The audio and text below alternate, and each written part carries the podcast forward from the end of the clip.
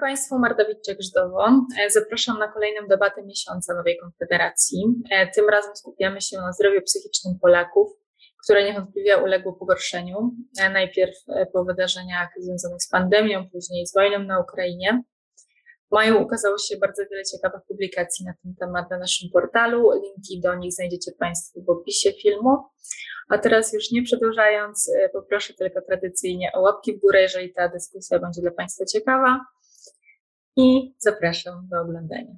Dobry, Emilia Grzela, Puls Medycyny. W imieniu Nowej Konfederacji zapraszam Państwa do wysłuchania i obejrzenia debaty poświęconej zdrowiu psychicznemu oraz rozwiązaniom systemowym w obszarze psychiatrii. Zaproszenie Nowej Konfederacji do dyskusji przyjęli. Pani Katarzyna Sarnicka, przewodnicząca Ogólnopolskiego Związku Zawodowego Psychologów, specjalista psychologii klinicznej i psychoterapeuta. Dzień dobry. Dzień dobry, witam serdecznie Państwa.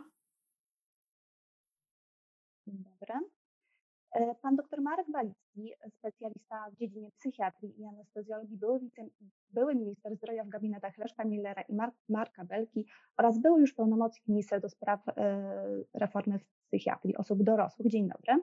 Dzień dobry.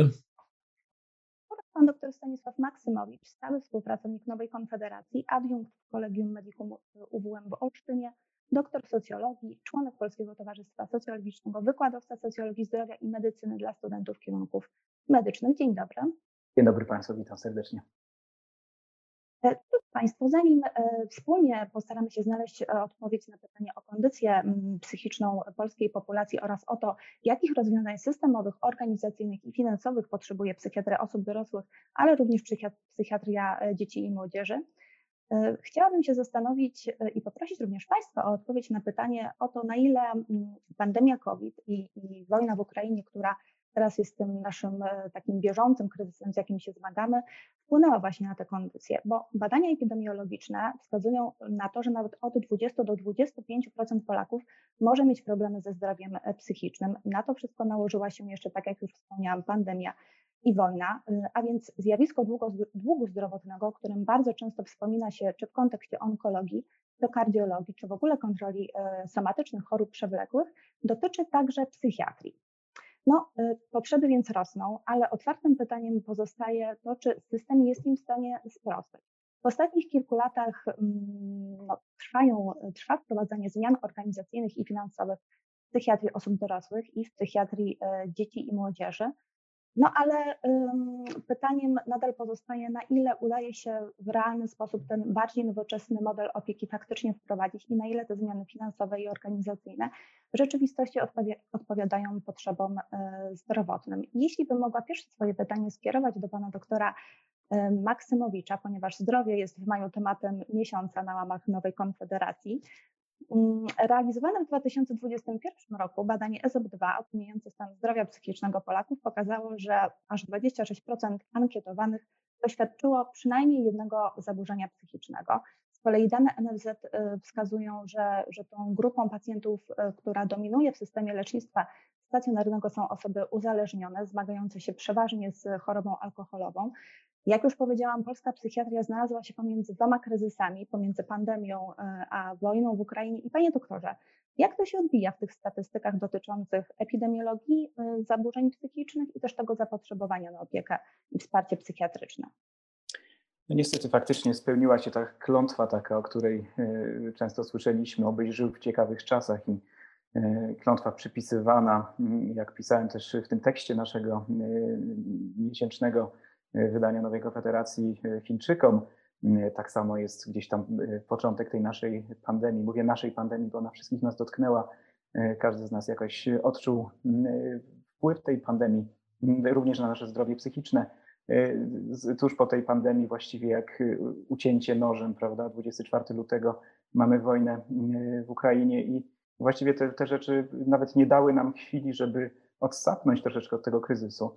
Jak wiadomo, kwestia rehabilitacji jest rzeczą absolutnie podstawową w, w chorobach, nawet w chorobach ostrych, krótkotrwałych, ale przede wszystkim w chorobach e, przewlekłych, przy takich stanach uszkadzających, prawda? No tutaj tej rehabilitacji nie było, to znaczy my mieliśmy pandemię i nagle pandemia się skończyła, zaczęła się wojna i właściwie wychodząc z, z tego obszaru takiego bardzo dużego przerażenia co się dzieje z nami, w jaki sposób mamy funkcjonować po tej pandemii. Weszliśmy w zupełnie nowy obszar, właściwie zupełnie nam obcy, jeżeli chodzi o wojnę, więc niewątpliwie jesteśmy w bardzo trudnej sytuacji i ta sytuacja na pewno wymaga bardzo, bardzo szerokich działań.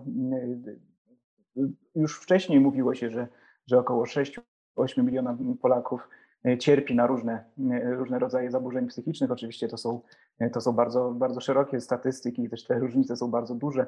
Bardzo różnie się to rozlicza, też bardzo trudno to policzyć, bo mamy pewien problem, że w Polsce część problemów psychicznych, chorób psychicznych, no chociażby depresja nie jest rozpoznawana jako problem, który się leczy, a, a jest to przecież choroba, którą należy, należy leczyć. Ale jakby zostawiając na chwilę ten proces, problem gdzieś, gdzieś z boku, faktycznie no, no, mamy do czynienia z, z ogromną rzeszą ludzi, którzy potrzebują na co dzień pomocy psychiatrycznej czy pomocy psychologa.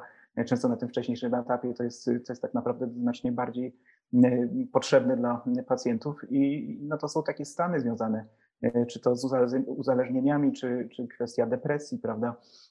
Mamy oczywiście problemy związane z bezsennością, prawda, E, czy takie, takie stany, o których tutaj pan minister Baliński na pewno e, powie znacznie więcej, czyli takich już chorób, e, powiedziałbym twardych, chociaż pewnie to jest bardzo laickie określenie, które, które wymagają bardzo, bardzo specjalistycznego leczenia psychiatrycznego w oddziałach zamkniętych, ale no jesteśmy w takiej sytuacji, myślę, że na rozdrożu cały czas i śledząc, zresztą miałem kiedyś przyjemność z panem ministrem brać udział w debacie jeszcze w czasie COVID-u, rozmawialiśmy na temat potrzeb reformy potrzeb zreformowania systemu w związku z pandemią. I to było gdzieś początek pandemii, jak pamiętam.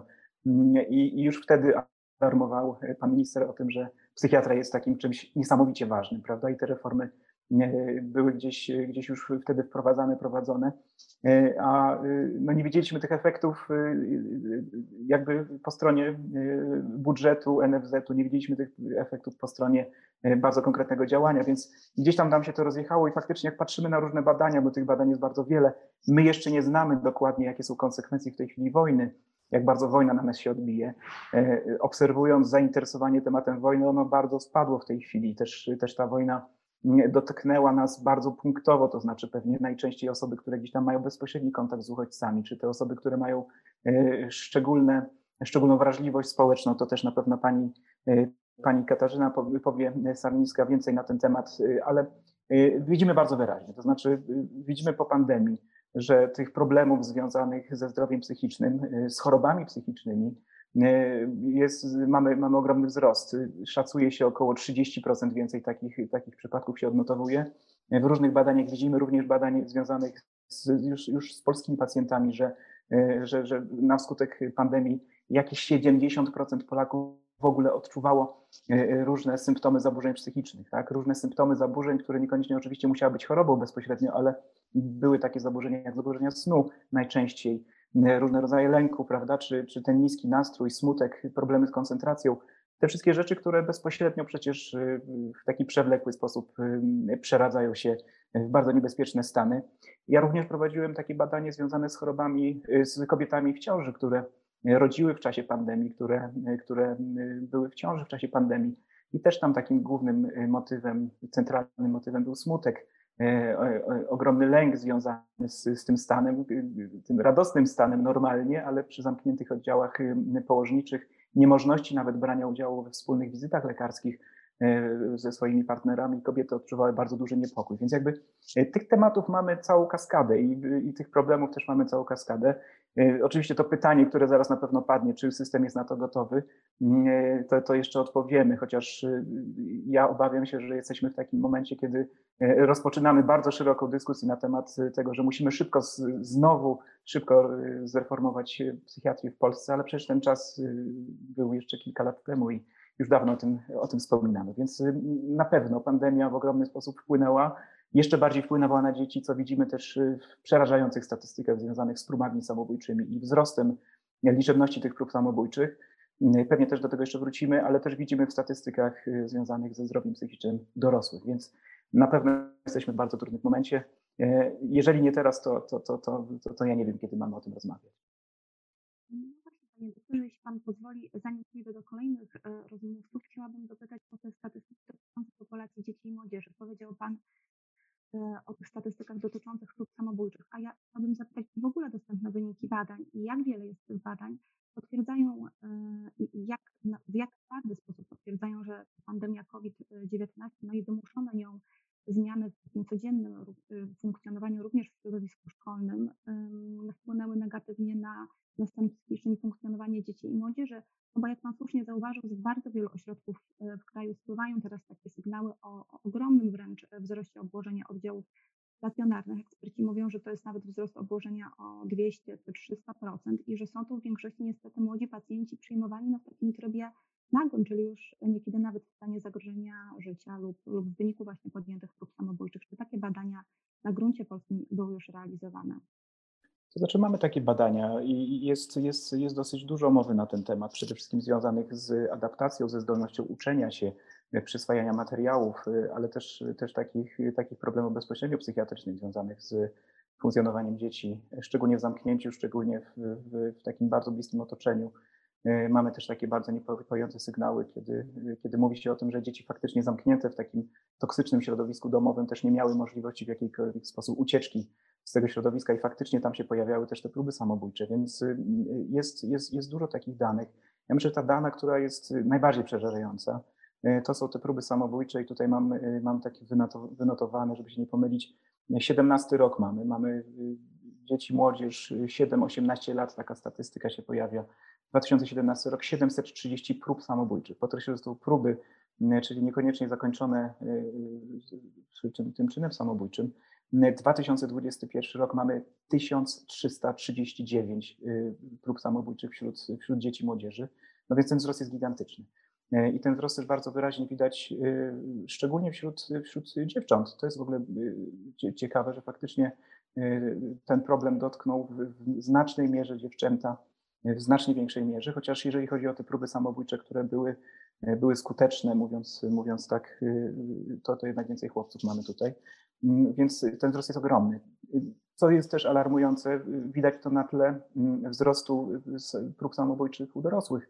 Ten wzrost nie jest tak duży, to znaczy on jest około tam 5%, mm, a, a wśród dzieci jest, jest gigantyczny. Więc jakby widzimy też taki problem, który na pewno widać w próbach tej reformy e, psychiatrii dziecięcej E, otóż takim pierwszym momentem, pierwszym miejscem, w którym dziecko dostaje pomoc, to nie jest wcale szpital psychiatryczny, to nie jest oddział psychiatryczny, nawet to nie jest dzienny oddział pomocy, tylko to jest, e, to jest szkoła, to są nauczyciele, to są też pewnie inne dzieci, to jest psycholog, który odgrywa niesamowicie ważną rolę na tym takim zupełnie pierwszym etapie odsiania tych dzieci jeszcze w ich najbliższym środowisku. No jeżeli pandemia pozamykała dzieci w domach, no ze względów oczywiście epidemicznych, ale jednak, prawda, no też uniemożliwiła jakąkolwiek interwencję, uniemożliwiła też diagnostykę, więc tutaj ten, ten problem na pewno mocno się odbija. To w tych statystykach widać, jak on jest duży i, e, i oczywiście pocieszające w jakiś sposób jest to. Ja prowadziłem też takie badania związane z przystosowaniem się dzieci do tej sytuacji pandemicznej. Młodzież coraz częściej mówi w ogóle o problemach psychicznych. Już stwierdzenie problemu depresji nie jest tak głęboko stygmatyzowane, jak było to wcześniej, ale też mówimy o pewnych y, specyficznych obszarach, y, prawda, większych miast, y, więc tutaj też, też, też musimy mieć to na myśli, że na pewno są takie miejsca w Polsce, gdzie no po prostu mamy do czynienia z takim piekłem, piekłem tych dzieci. E, to zresztą często się o tym e, wspomina w taki sposób. Więc no, no sytuacja jest na pewno bardzo, bardzo niepokojąca. Jak słusznie zauważył dr Maksymowicz, bardzo często tym pierwszym specjalistą, który wyciąga do dziecka w kryzysie psychicznym pomocną dłoń jest właśnie nie psychiatra, ale, ale psycholog. I chciałabym bardzo prosić panią Katarzynę Sarnicką jako przedstawicielkę tej grupy zawodowej i tego środowiska właśnie odnie, o odniesienie się do, do tych no bardzo dramatycznych i alarmujących statystyk, o których wspomniał pan dr Maksymowicz, czy z perspektywy y, psychologów również ta zgłaszalność i zapadalność, szczególnie w tej populacji dzieci i młodzieży, na zaburzenia psychiczne y, lub też inne dolegliwości psychiczne faktycznie ma miejsce, czy ją, ją się dostrzega? Oczywiście, że się dostrzegam. E, e, kwestia e, no, wzrostu w ogóle zaburzeń psychicznych różnego rodzaju była obserwowana w okresie pandemii, ponieważ już wtedy zapotrzebowanie na pomoc psychologiczną, na kontakt z lekarzem psychiatrą, psychiatrą dziecięcym, wzrósł no, w tempie naprawdę ogromnym. I te statystyki, o których mówił przed chwileczką pan doktor Maksymowicz, a propos wzrostu ilości prób samobójczych i, i, i jakby skutecznych samobójstw, są niezwykle dramatyczne. Natomiast w takiej praktyce klinicznej na co dzień jest to bardzo widoczne, ponieważ w tej chwili zarówno jeżeli chodzi o mm, ośrodki publiczne, o tworzone poradnie z pierwszego poziomu, czy, czy poradnie oddziały z drugiego poziomu, czy trzeciego, jak Państwo myślę doskonale wiecie, są bardzo zapełnione. Jeżeli chodzi o mm, potrzeby małych pacjentów, y, ciężko jest się dostać y, do tych ośrodków, mimo tego, że jest to mm, ustawowe 7 dni na, na wizytę, na interwencję, y, to z informacji, które do mnie dobiegają z całej Polski, no to jest bardzo ciężko. I jakby ma to bardzo wiele aspektów. No, y, złożyło się na to y, zarówno niedofinansowywanie y, psychiatrii dzieci i młodzieży, także psychiatrii dorosłych, które no jakby mm, były zaniedbane od wielu, wielu lat. Do tego oczywiście pandemia, a w tej chwili jeszcze no, mamy gości z Ukrainy i kobiety, dzieci, które również wymagają pomocy i wsparcia psychologicznego. Stąd te kolejki naprawdę są duże i e, wiem również, że jeżeli chodzi o prywatne ośrodki, prywatne gabinety, e, tam również bardzo ciężko jest się dostać. E, a akurat mali pacjenci no, potrzebują tej pomocy bardzo szybko. Jednocześnie to, co już wcześniej tutaj było powiedziane, brak kontaktu z psychologiem, pedagogiem w szkole, e, właśnie izolacja i niemożność ucieczki od problemów, które bardzo często miały miejsce w domu, jak również narastanie konfliktów rodzinnych, e, które były spowodowane izolacją e, w przebiegu pandemii, sprawiło, że faktycznie nastąpił wzrost różnego rodzaju zaburzeń psychicznych u dzieci, o czym pewnie pan e, doktor, pan minister Walicki powie więcej. E, I kwestia jest taka, że no, w moim odczuciu sytuacja jest bardzo dramatyczna. Nie wiem do końca, na ile e, od strony systemowej ta sprawa zostanie uporządkowana, ponieważ mam poczucie, że reforma dzieci i młodzieży trwa już od 2018 roku. E, ciągle jest coś zmieniane, ciągle są też nowe rozporządzenia, natomiast e, sytuacja bynajmniej e, nie ulega jakiejś istotnej poprawie, mimo tych tworzonych ośrodków. Wręcz jest tak, że, że jeżeli ktoś ma problem z dzieckiem, nawet w systemie takiej opieki prywatnej, musi długo szukać i albo długo czekać. E, dziękuję Pani Katarzyno. E, no, chciałabym teraz kolejne pytanie skierować e, do Pana Ministra Balickiego, wywoływanego już tutaj kilkukrotnie. Po pierwsze, Panie Ministrze, chciałabym zapytać już w odniesieniu do populacji osób dorosłych o, mm, o, to, o to zapotrzebowanie na wsparcie psychiatryczne i psychologiczne. Czy w obrębie całego kraju widać tutaj istotny wzrost i też przejść do tematu zmian systemowych, o których już Państwo tutaj wspomnieli. Mamy oczywiście na myśli e, pilotaż Centrum Zdrowia Psychicznego, który miał być taką próbą odejścia od lecznictwa azylowego w kierunku opieki środowiskowej, właśnie w psychiatrii osób e, dorosłych i jeśli się nie mylę, wystartował 1 lipca 2018 roku. I, I, czy mogłabym Panie Ministrze poprosić o, o takie wyjaśnienie, jakie są najważniejsze cechy tego innego, nowego modelu opieki, e, który w ramach pilotażu powoli powstaje i, i co przede wszystkim zmienia się tutaj dla pacjentów? Sporo tematów, sporo problemów, ale zacznę może od tego, o czym już mówił pan doktor Maksymowicz, pani redaktor wspomniała na wstępie, czyli badania EZOP-2. To drugie takie wielkie populacyjne badanie, które objęło kilkanaście tysięcy respondentów. Wyniki zostały niedawno ogłoszone i one są w dużym stopniu zbliżone do pierwszego badania EZOP sprzed 10 lat, ale pokazują skalę rozmiar problemu, problemu zdrowia psychicznego. I tak jak już Pani wspomniała na wstępie, 26% Polaków zgodnie z tym badaniem miało kiedykolwiek w życiu chociaż jedno zaburzenie psychiczne, które spełniało kryteria e, obowiązującej ciągle w Polsce e, klasyfikacji ICD-10 i to się przekłada na ponad 8 milionów. Ale jak e, zapytamy, ile miało zaburzenia w czasie ostatniego roku, czasie ostatnich 12 miesięcy, to było 2,5 miliona Polaków, podczas gdy z systemu opieki zdrowotnej korzysta 1 700 000 800 tysięcy osób. Czyli tu jest widać od razu pewną rozpiętość pomiędzy tym, co wykazało badanie EZOP, a liczbą korzystających z systemu opieki zdrowotnej. Jakbyśmy zapytali, ile w czasie ostatnich 30 dni miało przynajmniej jedno zaburzenie psychiczne zgodnie z klasyfikacją ICD-10, to będzie ponad 1 100 tysięcy osób.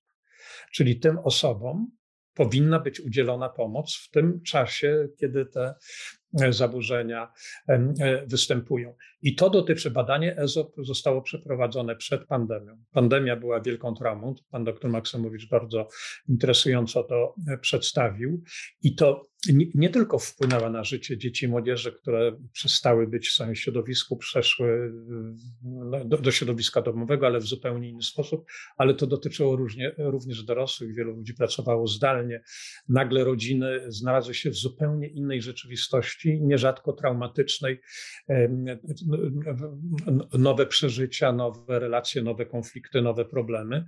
I to się niewątpliwie odbiło również na, na zdrowiu psychicznym e, osób dorosłych, ale też e, kolejnym problemem związanym z pandemią COVID było zamknięcie się e, systemu opieki zdrowotnej na takie na, przynajmniej na tak otwarte udzielanie pomocy, jak to było przed pandemią.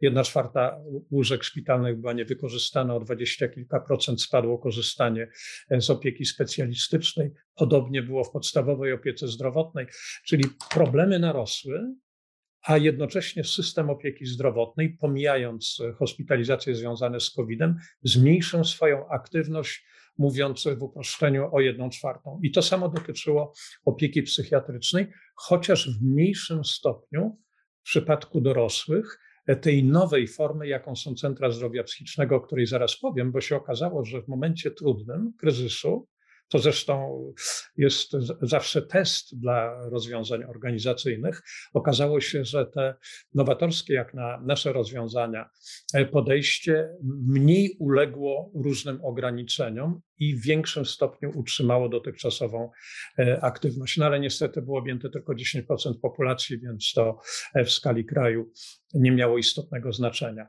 I też e, kolejna, to już koincydencja, bo reforma opieki psychiatrycznej dla dzieci i młodzieży była planowana wcześniej i zaplanowane jej wejście w życie, tego trójstopniowego, o którym pani przewodnicząca Sarnicka mówiła, systemu, to pierwszy poziom, poziom poradni psychologicznych czy opieki i wsparcia psychologicznego dla dzieci i młodzieży, to, to, to ten poziom zaczął się rozwijać w roku 2020, czyli w warunkach e, trwającej pandemii, co niewątpliwie też odcisnęło jakieś swoje piętno na sposobie wdrażania tej reformy. I, e, I też ujawniło, czego e, nie mieliśmy w przypadku centrów zdrowia psychicznego dla dorosłych, ujawniło problemy związane z finansowaniem bo przyjęto inne zasady finansowania poradni psychologicznych dla dzieci i młodzieży niż dla centrów zdrowia psychicznego. I dzisiaj mamy taką sytuację w ostatnich miesiącach, że Narodowy Fundusz Zdrowia domaga się od bardzo wielu placówek nowych, które weszły z nadzieją, z entuzjazmem, do zaangażowaniem do reformy i teraz okazuje się, że trzeba zwracać pieniądze, bo takie zasady rozliczeń e, narzucił Narodowy Fundusz Zdrowia, a te pieniądze zostały wydane na wynagrodzenia, bo przecież 90 parę procent kosztów w opiece psychiatrycznej to są, to są koszty wynagrodzeń. No i teraz jak y, y, no, o tej y, reformie opieki psychiatrycznej, o odejściu od starego modelu azylowego na rzecz modelu opieki środowiskowej, pomocy środowiskowej, to w Polsce dyskutuje się od kiedy ja pamiętam.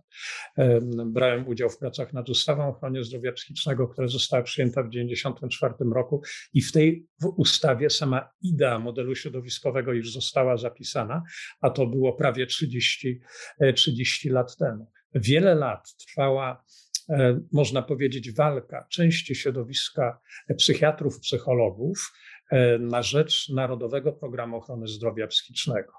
I, I trwało to tak długo, że dopiero w 2008 roku parlament zdecydował się znowelizować ustawę o ochronie zdrowia psychicznego, dzięki czemu były podstawy prawne do przyjęcia takiego programu, ale znowu czekaliśmy od 2008 do końca 2010, zanim ten program zostanie przyjęty przez rząd, chociaż on był gotowy, no bo tu pojawiły się e, głównie problemy związane z obawami, że trzeba będzie dużo, znacznie zwiększyć nakłady na psychiatrię. To ja pamiętam takie mm, ofowe informacje, jak to z Ministerstwem mm, Finansów, Ministerstwo Zdrowia walczyło, walczyło i trwało to aż, e, aż do 2010 roku. Chociaż trzeba powiedzieć, to dygresja jeśli chodzi o finansowanie, że w Polsce, to już pani przewodnicząca Sarnicka mówiła, e, w Polsce poziom finansowania psychiatrii, jakbyśmy spojrzeli na taki e, średni wzorzec europejski, jest prawie dwukrotnie niższe w stosunku do wydatków na zdrowie. Nie w wartościach bezwzględnych, bo to rozumiemy, że poziom finansowania systemu niemieckiego, francuskiego czy, czy holenderskiego jest istotnie wyższy, ale w ramach tego, co przeznaczamy na opiekę zdrowotną, to połowę mniej przeznaczamy na opiekę psychiatryczną niż to jest w innych krajach. Porównam z Niemcami, bo to jest takie bardzo e, spektakularne, e, e, spektakularna różnica. W Niemczech są dużo większe nakłady na zdrowie i z tych dużo większych nakładów na zdrowie ponad 10% przeznacza się na opiekę psychiatryczną. My wydajemy dużo mniej na zdrowie, a w ubiegłym roku wydatki na, na psychiatrię i leczenie uzależnień w budżecie Narodowego Funduszu Zdrowia wyniosły 3,4% w Niemczech 10% z dużo większego tortu, no to pokazuje, jak dramatycznie. Ja zresztą od jakiegoś czasu e, uznaję to, że to jest mm, wyraz dyskryminacji w polityce państwa tych problemów i w szczególności osób, które mają problemy zdrowia psychicznego, w szczególności które mają ciężkie, ciężkie zaburzenia psychiczne, o których pan doktor Maksymowicz wspomniał, takie jak schizofrenia czy choroba afektywna dwubiegunowa, gdyż one są szczególnie dotknięte tym niskim finansowaniem i złym modelem, ale również zaburzenia lękowe, nerwicowe. Pani przewodnicząca Salińska mówiła o trudności w dostępie nawet do niepublicznej, e, płaconej z kieszeni e, pomocy i opieki psychologicznej, psychoterapeutycznej. I mimo tego, że tak niski poziom nakładów na psychiatrię w Polsce jest, to Ministerstwo Finansów no, blokowało, nie, nie, chciało, żeby ten program ruszył. Program ruszył i pierwsza edycja niestety skończyła się niepowodzeniem. Druga edycja też została, ona się skończyła w 2015 roku. Pamiętamy taki głośny raport NIK-u, fiasko Narodowego Programu Zdrowia Psychicznego. Jeszcze ten tytuł chyba na stronach NIK-u nadal istnieje. I druga edycja została przyjęta w 2017 roku. I też dwa lata trwały prace, żeby, żeby rząd mógł ją przyjąć. I dopiero druga edycja dała nadzieję na realny proces zmian, zarówno w psychiatrii dorosłych, i zapoczątkowane to zostało pilotażem, i w psychiatrii dzieci i młodzieży, gdzie został przygotowany trochę później, no ale został przygotowany ten trójstopniowy model, który co do założeń, że na, na, poziomie podstawowym pomoc psychologiczna, wsparcie psychoterapeutyczne, na drugim poziomie pojawia się psychiatria, oddział dzienny i dopiero na trzecim poziomie opieka całodobowa, która y, y, przynajmniej jeden taki ośrodek wysokospecjalistyczny z opieką całodobową powinien być w każdym województwie, takie założenie programu. Wiemy, że jeszcze w województwie podlaskim nie został odtworzony oddział psychiatryczny, który został zamknięty, ile pamiętam, w 2010 roku, czyli wtedy, kiedy wchodziła w życie pierwsza edycja Narodowego Programu Ochrony Zdrowia Psychicznego. I pojawiła się nadzieja. I dzisiaj kończy się w tym roku druga edycja Narodowego Programu Ochrony Zdrowia Psychicznego. Kończy się, więc to jest taki dobry okres do oceny, co się w czasie pięciu lat ostatnich wydarzyło. I po tej początkowej nadziei, to dzisiaj mamy dużo niepokoju.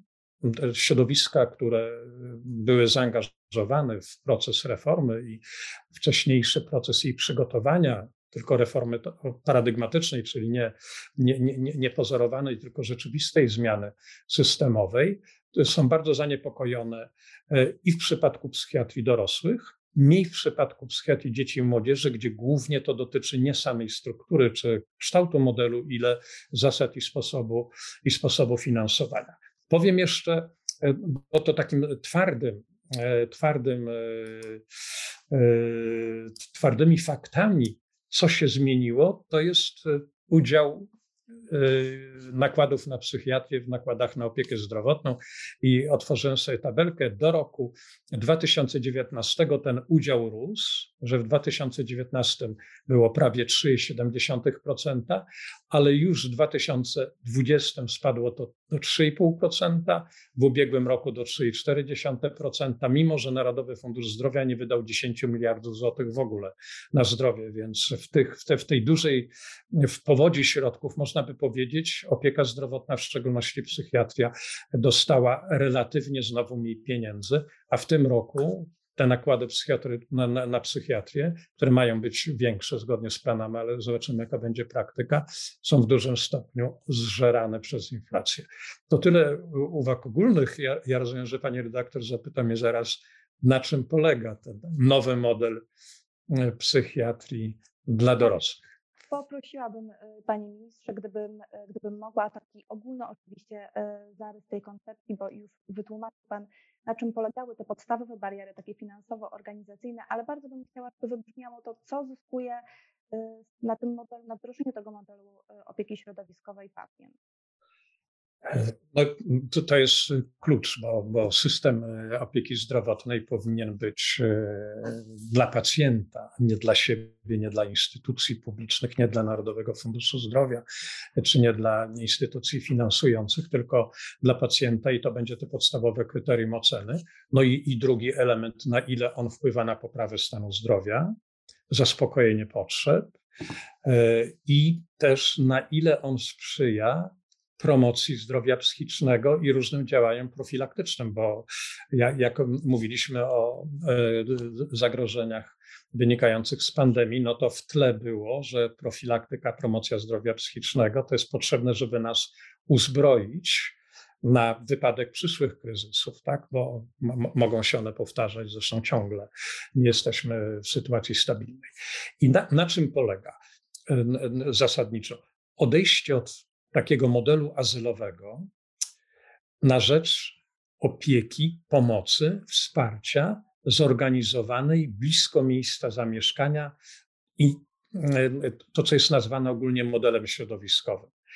I e, no, w modelu środowiskowym, w tym pilotażu Centrum Zdrowia Psychicznego, pierwsza zasada, którą ja zawsze wymieniam, to jest zasada odpowiedzialności, że mamy podmiot, placówkę zdrowotną, która odpowiada za zorganizowanie i zapewnienie wsparcia, pomocy, też profilaktyki e, różnych e, działań, przedsięwzięć z zakresu promocji zdrowia psychicznego dla określonej populacji miasta, dzielnicy wielkiego miasta, tak jak w Warszawie mamy Centrum Zdrowia Psychicznego na Woli, na Mokotowie, czy teraz y, od tego roku na Bielanach, albo to będzie powiat, tak jak Koszalin miasto i, i powiat ziemski.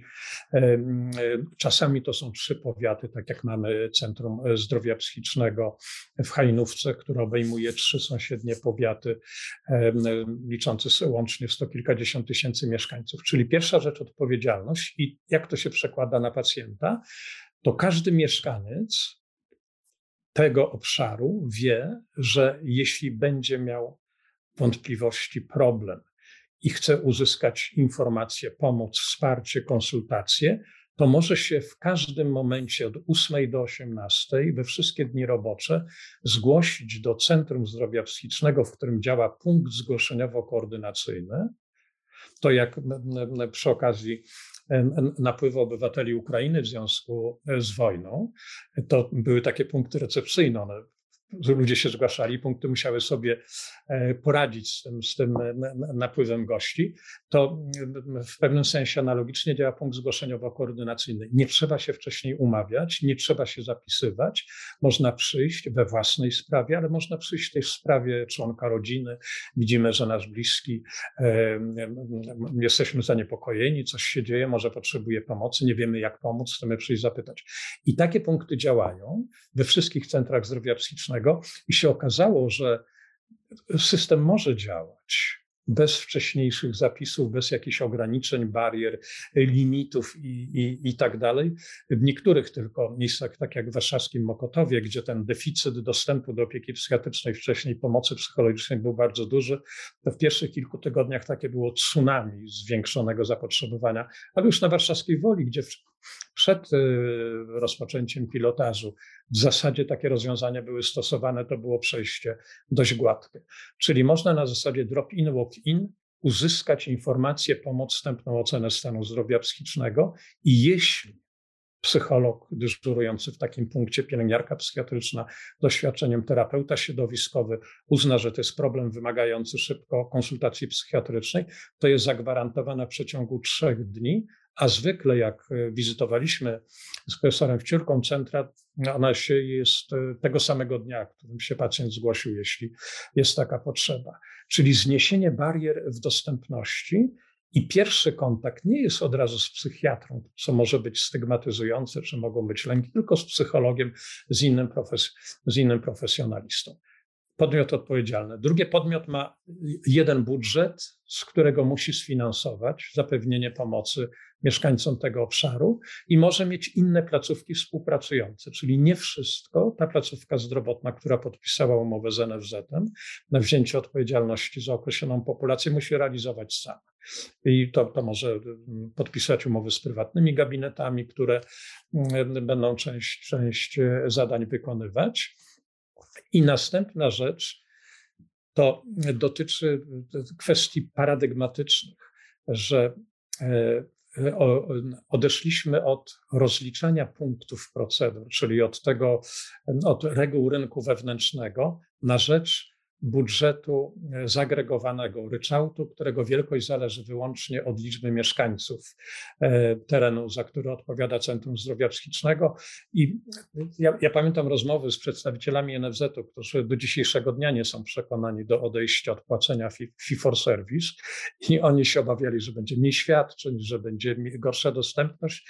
To praktyka pokazała, że jeśli wraz z odpowiedzialnością przekazujemy odpowiednie środki, a centra zdrowia psychicznego dostały o połowę, czy może czasem więcej, większy budżet niż to było średnio na mieszkańca w starym systemie, to liczba świadczeń, dostępność się poprawia. Znikły kolejki, zwiększyła się o 20-30% w przeciągu pierwszego roku.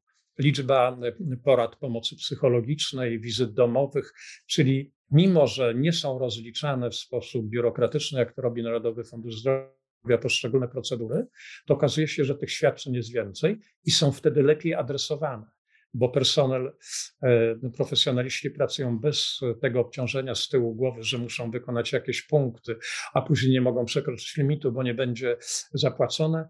Ich e, aktywność, uwaga, jest zorientowana wokół zaspokojenia potrzeby osoby, która się zgłosiła po pomoc. I na koniec ostatnie zdanie, bo mam poczucie, że, że, że mówię już długo, a a mogę mówić długo, bo to jest naprawdę ciekawy i ważny obszar, o, o, o czymś jeszcze, o ozdrowieniu.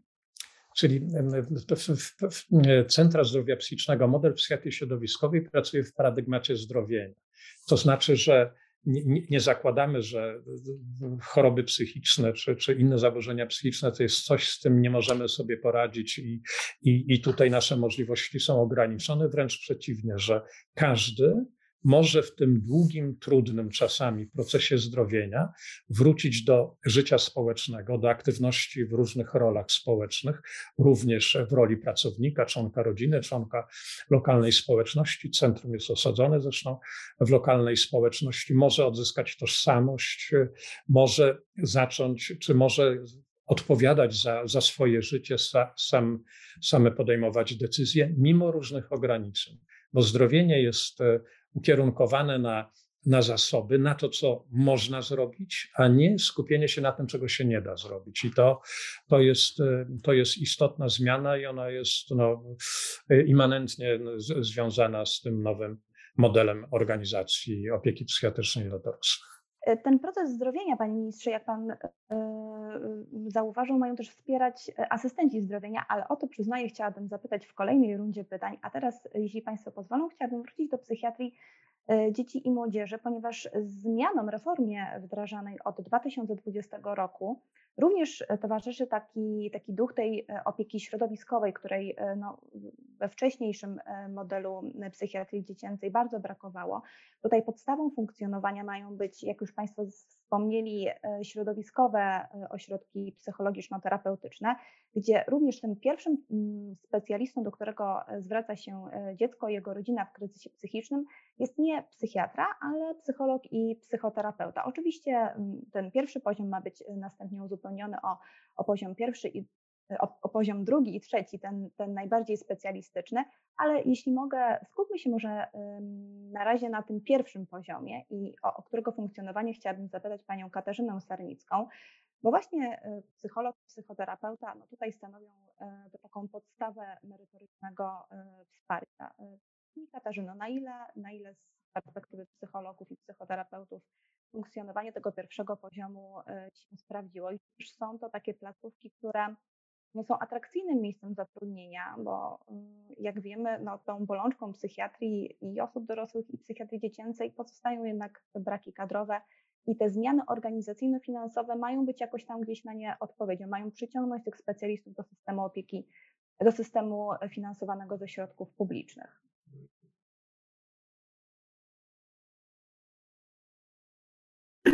bo być może to nie wybrzmiało tak mocno e, w mojej poprzedniej e, wypowiedzi, że e, w ogóle sam fakt, że jednak ta reforma jest wdrażana, jest bardzo pozytywny.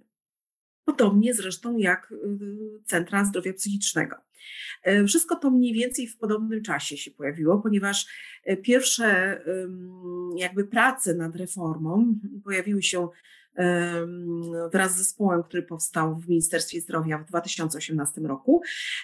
No akurat ponieważ no, te prace były bardziej wydłużone, więc faktycznie e, otwieranie tych ośrodków przypadło bodajże e, na wiosnę 2020, czyli ten okres, kiedy ta pandemia e, no, była E, w takim największym apogeum swoim. E, no i to na pewno wpłynęło na to, mm, że y, po pierwsze, zapewne te ośrodki nie tworzyły się tak szybko, jakby mogły się tworzyć. E, poza tym podejrzewam, że różnie to mogło być z zasilaniem tych ośrodków, jeżeli chodzi o kadrę. Natomiast sam fakt, że one powstały, myślę, że y, w pewien sposób y, mimo wszystko ratuje sytuację, bo nie wyobrażam sobie, co by było, gdyby y, mając takie problemy i, i taki gwałtowny wzrost zaburzeń psychicznych wśród dzieci w trakcie pandemii, nie było tych ośrodków i nie było tej reformy.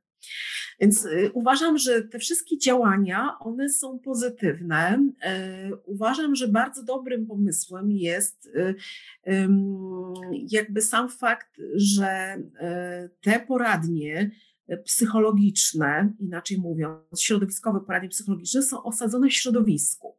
Czyli jakby wpisują się w ten model, który jakby wychodzi do pacjenta, do małego pacjenta. E, sam fakt, że e, jest ten czas do siedmiu dni, żeby podjąć interwencję. E, ponadto Ośrodki te opierają się na pracy psychologów, psychoterapeutów i zazwyczaj są mniejsze, no to tam są przewidziane dwa etaty w takich miejscach, gdzie jest mniejszy dostęp do kadry. Natomiast w większych ośrodkach y, zaleca się cztery etaty, czasami jest i bywało i pięć. I to są psycholog, psycholog kliniczny, psychoterapeuci, dwaj psychoterapeuci oraz terapeuta środowiskowy. Y, istotą tych ośrodków jest szybka, przesiewowa y, diagnoza, czyli jak, jak to ktoś określił, rzut oka na to puzzle rodzinne też między innymi co się tak naprawdę dzieje i następnie zaplanowanie procesu terapii.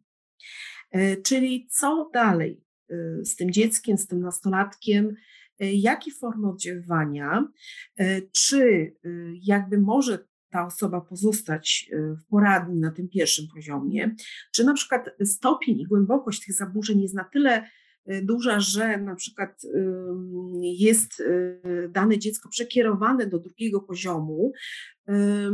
Na drugim poziomie, przynajmniej według obecnych wytycznych, zaleca się taką pogłębioną diagnozę psychologiczną, jak również jest prowadzona psychoterapia.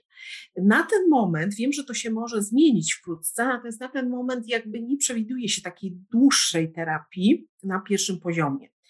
Bardziej jest to forma diagnozy, y, interwencji y, i dalszego pokierowania.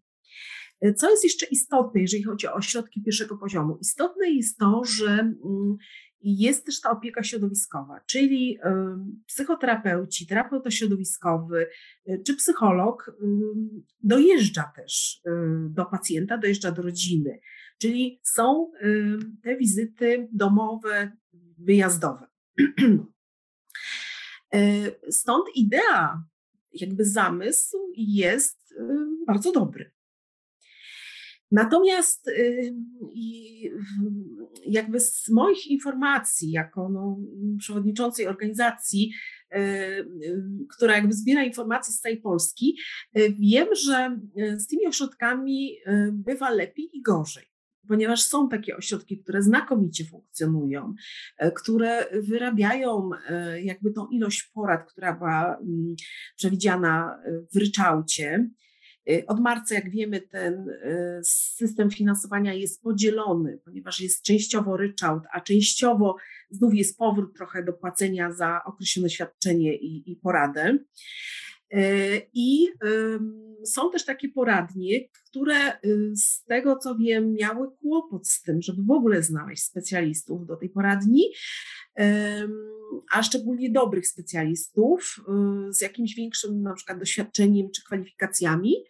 E, I na przykład też nie funkcjonowały tak, jak mogłyby funkcjonować, czyli na przykład wykonywały mniej porad czy mało porad E, więc, więc jakby no, mm, bywa różnie. Natomiast sam fakt, że te poradnie powstają i będą powstawać kolejne, i że jednak jest ta możliwość w ogóle uzyskania tam pomocy, i że współpracują ci specjaliści ze środowiskiem, e, ze szkołą, z rodziną, jest jak najbardziej e, pozytywne. E, wspomniała Pani redaktor również o tym, na ile poradnia jest atrakcyjnym miejscem do pracy. I powiedziałabym w ten sposób, że e, na pewno te ośrodki, które prężnie działają, e, które mają zespół specjalistów, które mają superwizję, które jakby mm, tworzą zgrany team, zgrany zespół terapeutyczny, są y, dla psychologa atrakcyjnym miejscem, czy dla terapeuty, psychoterapeuty. Y, natomiast, mm, tak jak wspomniałam, nie wszystkie te ośrodki, nie wszystkie te poradnie działają tak dobrze, tak jak to jest w idei, jak, jak to jest jakby w zamyśle i, i, i co jest jakby ideą tych ośrodków. Y, poza tym no, cały czas przewija się niestety też ten temat finansowania. E, to wszystko jest jeszcze w trakcie i są planowane kolejne zmiany, bo jedne już się pojawiły teraz właściwie w tym roku, o czym wspomniałam przed chwilą.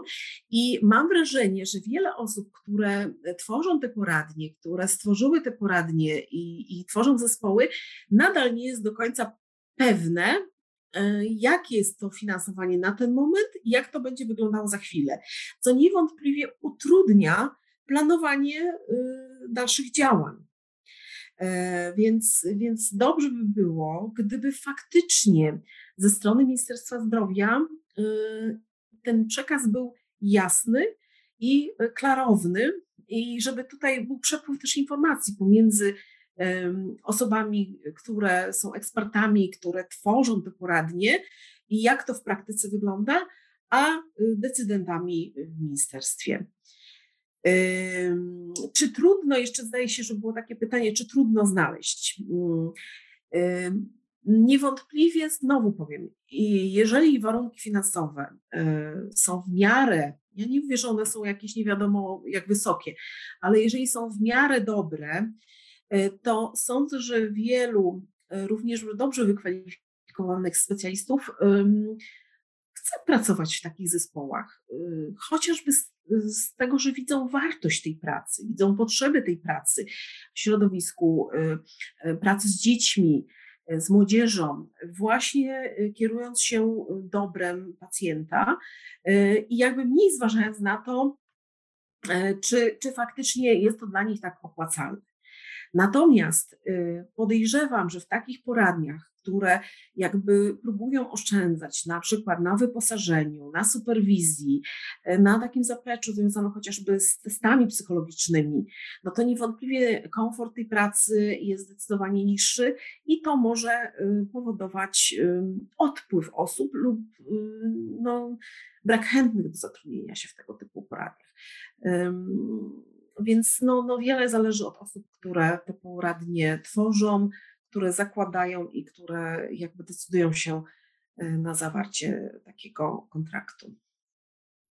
Jest na pewno regionalnie e, zróżnicowana, a o ocenę tych e, zmian organizacyjno-finansowych zarówno w obszarze psychiatrii osób dorosłych, jak i, jak i psychiatrii dziecięcej, no bo przyświeca im podobna idea tej psychiatrii środowiskowej, chciałabym poprosić pana doktora Maksymowicza, czy Pańskim zdaniem e, no, jest po pierwsze odpowiedź na taką nadal jednak e, obserwowaną w społeczeństwie stygmatyzację osób z zaburzeniami psychicznymi i czy Pańskim zdaniem te zmiany, które postępują zarówno w ramach reformy, jak i pilotażu, nie są aby spóźnione, bo być może ta sytuacja kryzysowa, szczególnie w psychiatrii dzieci i młodzieży, już, już tak nabrzmiała, że, że powinniśmy postawić na takie bardziej zdecydowane rozwiązania. Pani profesor Jana Skozik, która odpowiada za mm, reformę psychiatrii dzieci i młodzieży, bardzo często podkreśla jej ewolucyjny charakter, ale czy, czy psychiatrii dziecięcej, ale być może również psychiatrii osób dorosłych nie potrzeba zmian bardziej rewolucyjnych.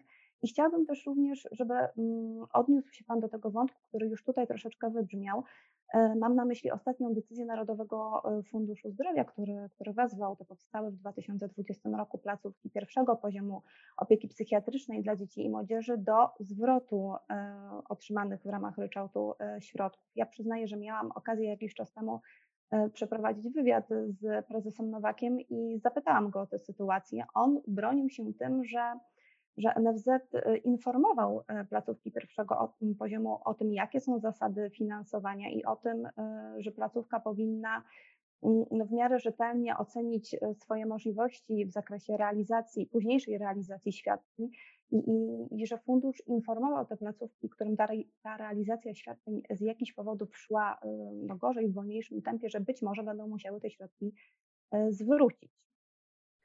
No dobrze, no Odpowiem może od, od, końca, bo, bo to pierwsze pytanie to jest takie pytanie, na które bardzo chętnie odpowiem tak y, czysto socjologicznie, ale najpierw to ostatnie. Znaczy, ja rozumiem, że urzędnik zawsze ma jakąś tabelkę i na końcu sobie liczy tam, y, ile tam wyszło pieniędzy, ile trzeba ich zwrócić i tak dalej. E, no ale przecież urzędnik musi też posiadać y, takie jakościowe, że tak powiem, bardzo delikatnie rozpoznanie tej sytuacji.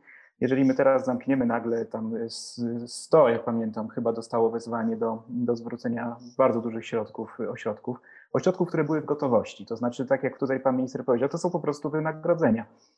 E, I co, mieli y, czekać, jak się skończy pandemia, wtedy znowu zatrudnią tych ludzi, to wtedy będą zarzuty, że za późno działają, prawda? No tam po prostu byli żołnierze, y, y, psychologowie, lekarze, no żołnierze w walce z, o zdrowie psychiczne po prostu czekali w koszarach zakoszarowani i po prostu im się płaciło za to oczekiwanie, żeby móc pomóc. Nie mogli wejść do szkoły, bo szkoła była zamknięta. Nie mogli chodzić po, po, po domach, bo nie było takiej możliwości, więc co, mieliśmy ich pozwalniać? Znaczy, ja rozumiem zawsze, oczywiście staram się zrozumieć, empatię mieć pełną, pełną także do tego urzędniczego e, e, spojrzenia, ale ja nie rozumiem sytuacji, kiedy my faktycznie mamy taki potężny problem i teraz co, 400 tych ośrodków ma powstać w Polsce. Jedną czwartą teraz zamkniemy, ośrodków, które już w tej chwili świadczą jakąś pomoc. Pozbawimy dzieci, młodzież pomocy, ponieważ jest coś nie tak z, z rozliczeniem.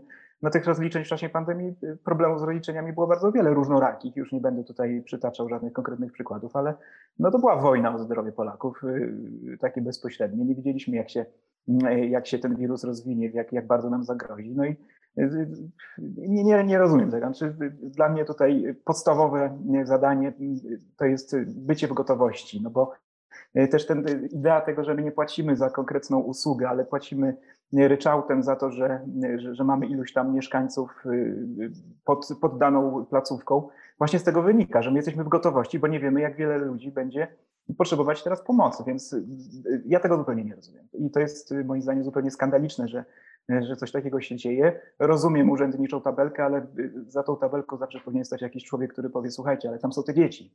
Znaczy my musimy im pomóc, więc y, spróbujmy inaczej jakoś do tego podejść. Nie wiem jak, nie jestem urzędnikiem NFZ-u, ale myślę, że to jest rzecz y, taka szczególnie, y, szczególnie rażąca. No i jeżeli w ogóle chodzi o, o, o cenę tej, tej, tej sytuacji, o której tutaj mówimy. E, tak, tak przejdę troszeczkę do, do tej socjologii, no bo jestem socjologiem medycyny, ale my też analizujemy przecież cały czas tę sytuację i patrzymy na to, jak, jak, te, jak te pomysły związane z psychiatrią się rozwijają. Dlaczego? Bo to jest bardzo ważne. To znaczy, ja tu mogę przytoczyć bardzo wielu różnorakich myślicieli, filozofów i socjologów, chociażby Michela Foucault, który bardzo głęboką analizę powstania w ogóle czegoś takiego jak szpital psychiatryczny przeprowadził, bardzo długą historyczną, e, ale, ale bliżej troszeczkę nas do, do Goffmana, Erwiga Goffmana, który był socjologiem, który e, przeprowadził w drugiej połowie lat, e, w drugiej połowie XX wieku bardzo ważne badanie, bardzo ważną książkę napisał Instytucje Totalne, w której właściwie podsumowaniem tej książki jest coś takiego. Najgorszym miejscem do leczenia chorób psychicznych są szpitale psychiatryczne. To powiedział Goffman wtedy ponieważ on widział, że tak naprawdę głównym celem y, ówcześnie działających szpitali psychiatrycznych było to, co było właściwie y, i 100 lat wcześniej, czyli y, ten azyl, prawda, ta segregacja, zabranie tych pacjentów, których no nie potrafiliśmy leczyć od społeczeństwa, prawda, zamknięcie ich, tak jak mamy teraz ten ośrodek w Gostyninie, który też jest takim przecież przerażającym przykładem zamknięcia ludzi, prawda, tam są bardzo różne dziwne sytuacje w, w tym Gostyninie, nie tylko związane z, z, z przestępcami y, bezpośrednio, ale, ale to, to już w ogóle jest na oddzielną dyskusję. Więc jakby y, ta reforma jest spełnieniem marzeń w jakiś sposób y, myślenia o, o psychiatrii. Oczywiście na takim bardzo, bardzo ogólnym poziomie, bo to zawsze są te szczegóły, o których to się później rozbija, prawda? I to już te takie analizy systemowe, bardzo, bardzo szczegółowe, prawda? Tutaj, co pani przewodnicząca Sarnicka powiedziała, prawda, że to już zaczyna się w tej chwili mieszać, że już, już tutaj mamy ryczałt, ale już tutaj mamy usługi, prawda, już tutaj są y, lepsi, lepsze ośrodki, tam są gorsze, gdzie już na przykład tej, tej wizji się, prawda, nie przeprowadza, czy, czy, czy, czy nie kupuje się nawet testów psychologicznych, bo one są drogie przecież. E, więc, więc no, no, no, już się coś rozlewa, prawda? Już zaczyna się rozlewać. No ale to dobrze, no powiedzmy, że to jest jakiś taki okres przejściowy.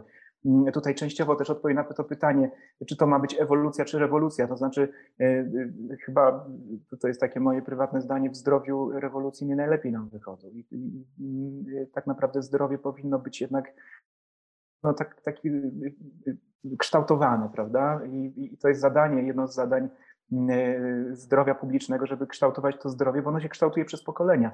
Y, I tak naprawdę y, te choroby psychiczne, które, które się pojawią za 10-20 lat, pewnie będą skutkiem też tego, co się dzieje dzisiaj. Więc, więc my musimy kształtować dosyć powoli to zdrowie, bez jakichś wielkich przewrotów. Ale już teraz to, co się dokonało, jest bardzo dużym przewrotem, no bo faktycznie my odchodzimy od tego modelu, o którym pisał Erwin Goffman, czyli od tego modelu takiego zamknięcia prawda, pacjentów w szpitalu. Jest taka bardzo głośna książka Anety Pawłowskiej-Krać, Głośnik w głowie, która niedawno wyszła w wydawnictwie czarnym. E, przyznam, że troszeczkę siwych włosów mi doszło, co prawda ja e, sporo czytam na ten temat, ale tam, tam są takie reportaże, historie pacjentów, również dzieci, ale i dorosłych, jak to wygląda.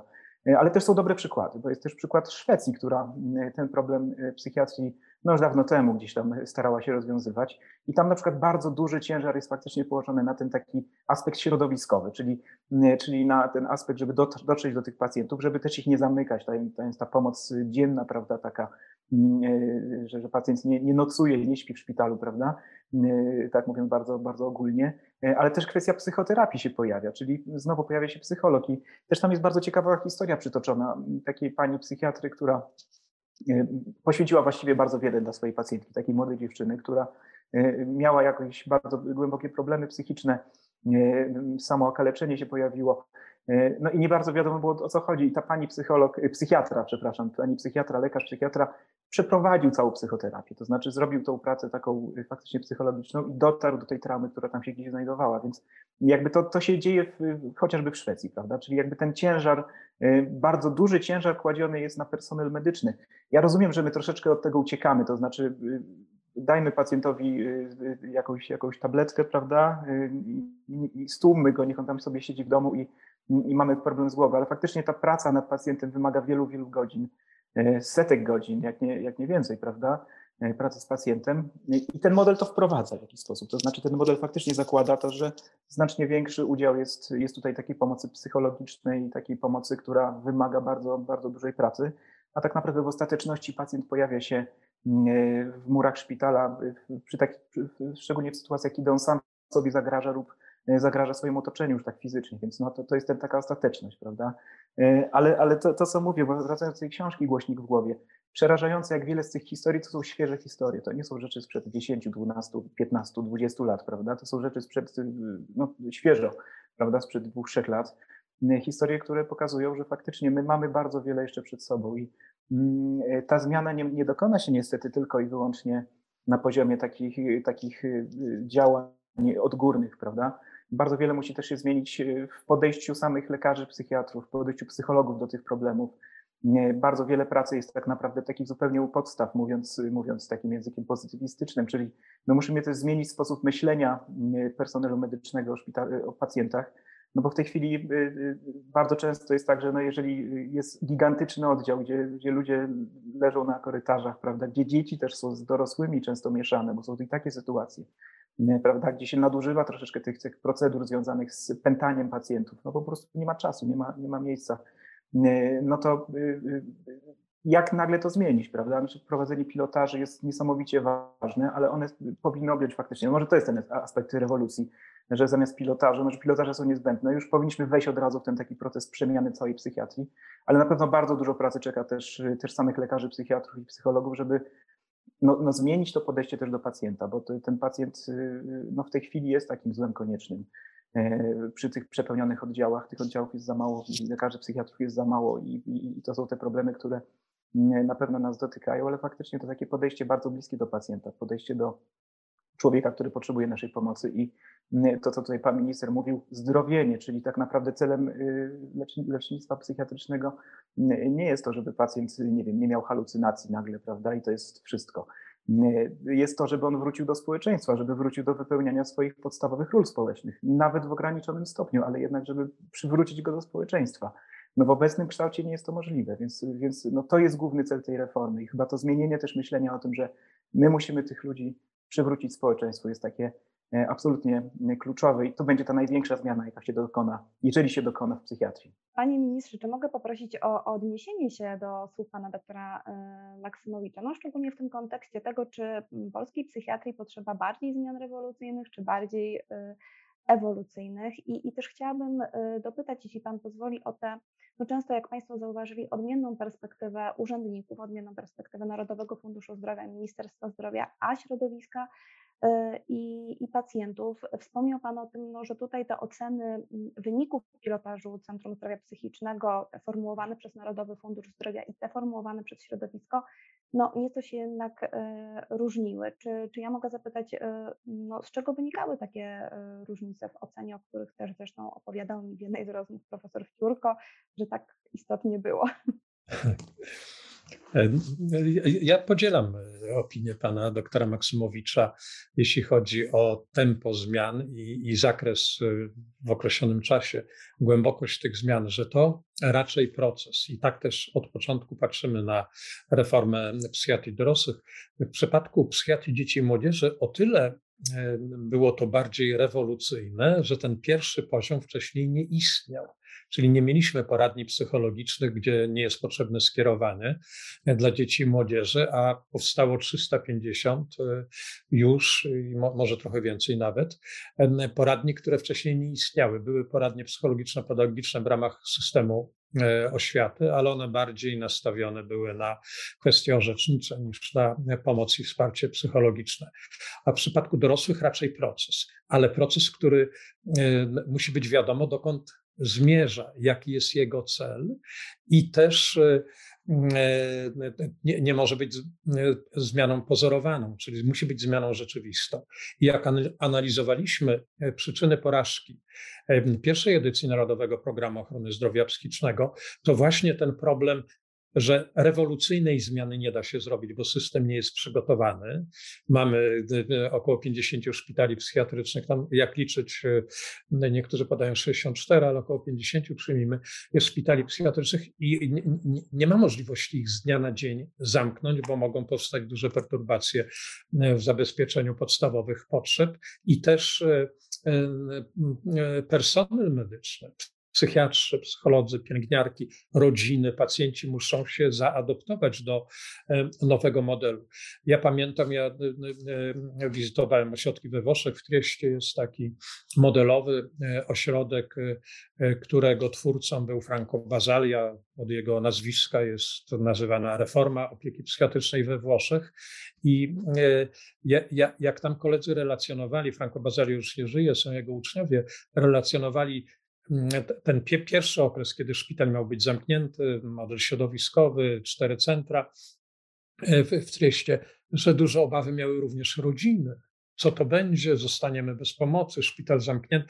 Więc to wymaga, to, to, to nie może być rewolucją, która zaskoczy wszystkich, bo wtedy te pogorszenie funkcjonowania jakie nieuchronnie następuje przy każdej głębokiej zmianie, no odbije się niekorzystnie i może również e, wywrócić reformę i, i, i spowodować naciski na powrót do, do wcześniejszych rozwiązań, które były złe, bo wszyscy mówimy, że obecny ten stary model jest zły, ale się przyzwyczailiśmy, już wiemy, jak on działa i część personelu, część lekarzy, część psychologów mówi, ja, ja wolę w tym modelu, który znam, bo tu radzę sobie, niż jakieś nie, niepewne. Zresztą pani przewodnicząca Sarnicka również mówi o tym lęku niepewności.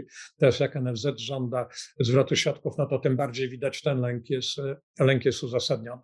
Czyli proces. I zaczynanie od tych te głębsze zmiany myśmy zaczęli od tych miejsc, od tych ośrodków, które były już mentalnie i organizacyjnie do tego przygotowane i mogły tworzyć takie dobre praktyki do przenoszenia na coraz większy obszar, i w ten sposób ta reforma etapami w ramach procesu postępuje.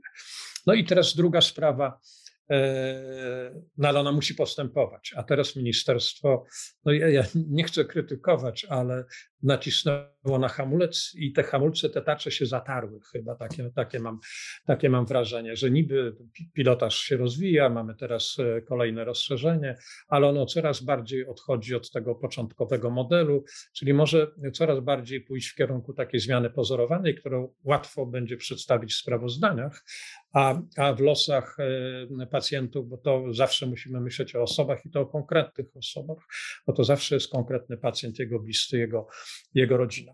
A teraz to spojrzenie urzędnicze. To, to, z czym, e, co muszę powiedzieć, nie udało nam się, to przewalczyć odejścia od tych dogmatycznych e, założeń tak zwanego rynku wewnętrznego że płacimy za świadczenia, co, to zresztą urzędnicy NFZ-u używali takiej terminologii kupujemy świadczenia i mamy w Polsce, już e, odchodząc na, na, na sekundę od psychiatrii, taką paradoksalną sytuację, że w liczbie hospitalizacji czy w liczbie konsultacji specjalistycznych my mamy wyższą, wyższą liczbę konsultacji na mieszkańca niż wynosi średnia w Unii Europejskiej, a jednocześnie mamy najdłuższe kolejki. No bo system i też to, co pan doktor Maksymowicz e, słusznie wskazuje, to zresztą e, w szwedzkiej debacie również e, jest obecne, że ten system fee for service medykalizuje proces udzielania świadczeń, czyli on sprzyja lekom, wizytom lekarskim i tak dalej, a nie temu, co jest najbardziej potrzebne w obszarze zdrowia psychicznego, czyli pomocy psychologicznej, wsparcia psychologicznego. I przejście na ten catchment area, na ten obszar odpowiedzialności i budżet jeden, którym dysponuje ta placówka i sama podejmuje decyzje, na co, jakie priorytety. Polska jest bardzo zróżnicowana, jest sposób udzielania świadczeń, epidemiologia w poszczególnych regionach bardzo się sobą, między sobą różnią. Korzystanie z systemu opieki zdrowotnej się różni e, regionalnie. Mamy ostatnio takim spektakularnym przykładem było gotowość czy korzystanie ze szczepień przeciwko COVID.